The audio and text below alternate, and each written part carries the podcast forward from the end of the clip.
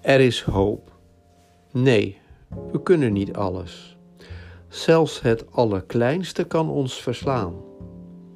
We zijn als schapen die ronddwalen, ieder hun eigen weg gaan. Er is hoop.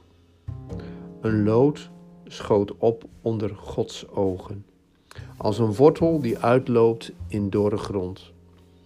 De mensenzoon kwam kwetsbaar en klein, maar doet ons steeds weer omhoog kijken, net als die herders in het veld, verrast door een stem die goed nieuws bracht. Er is hoop. Aad van de Klauw.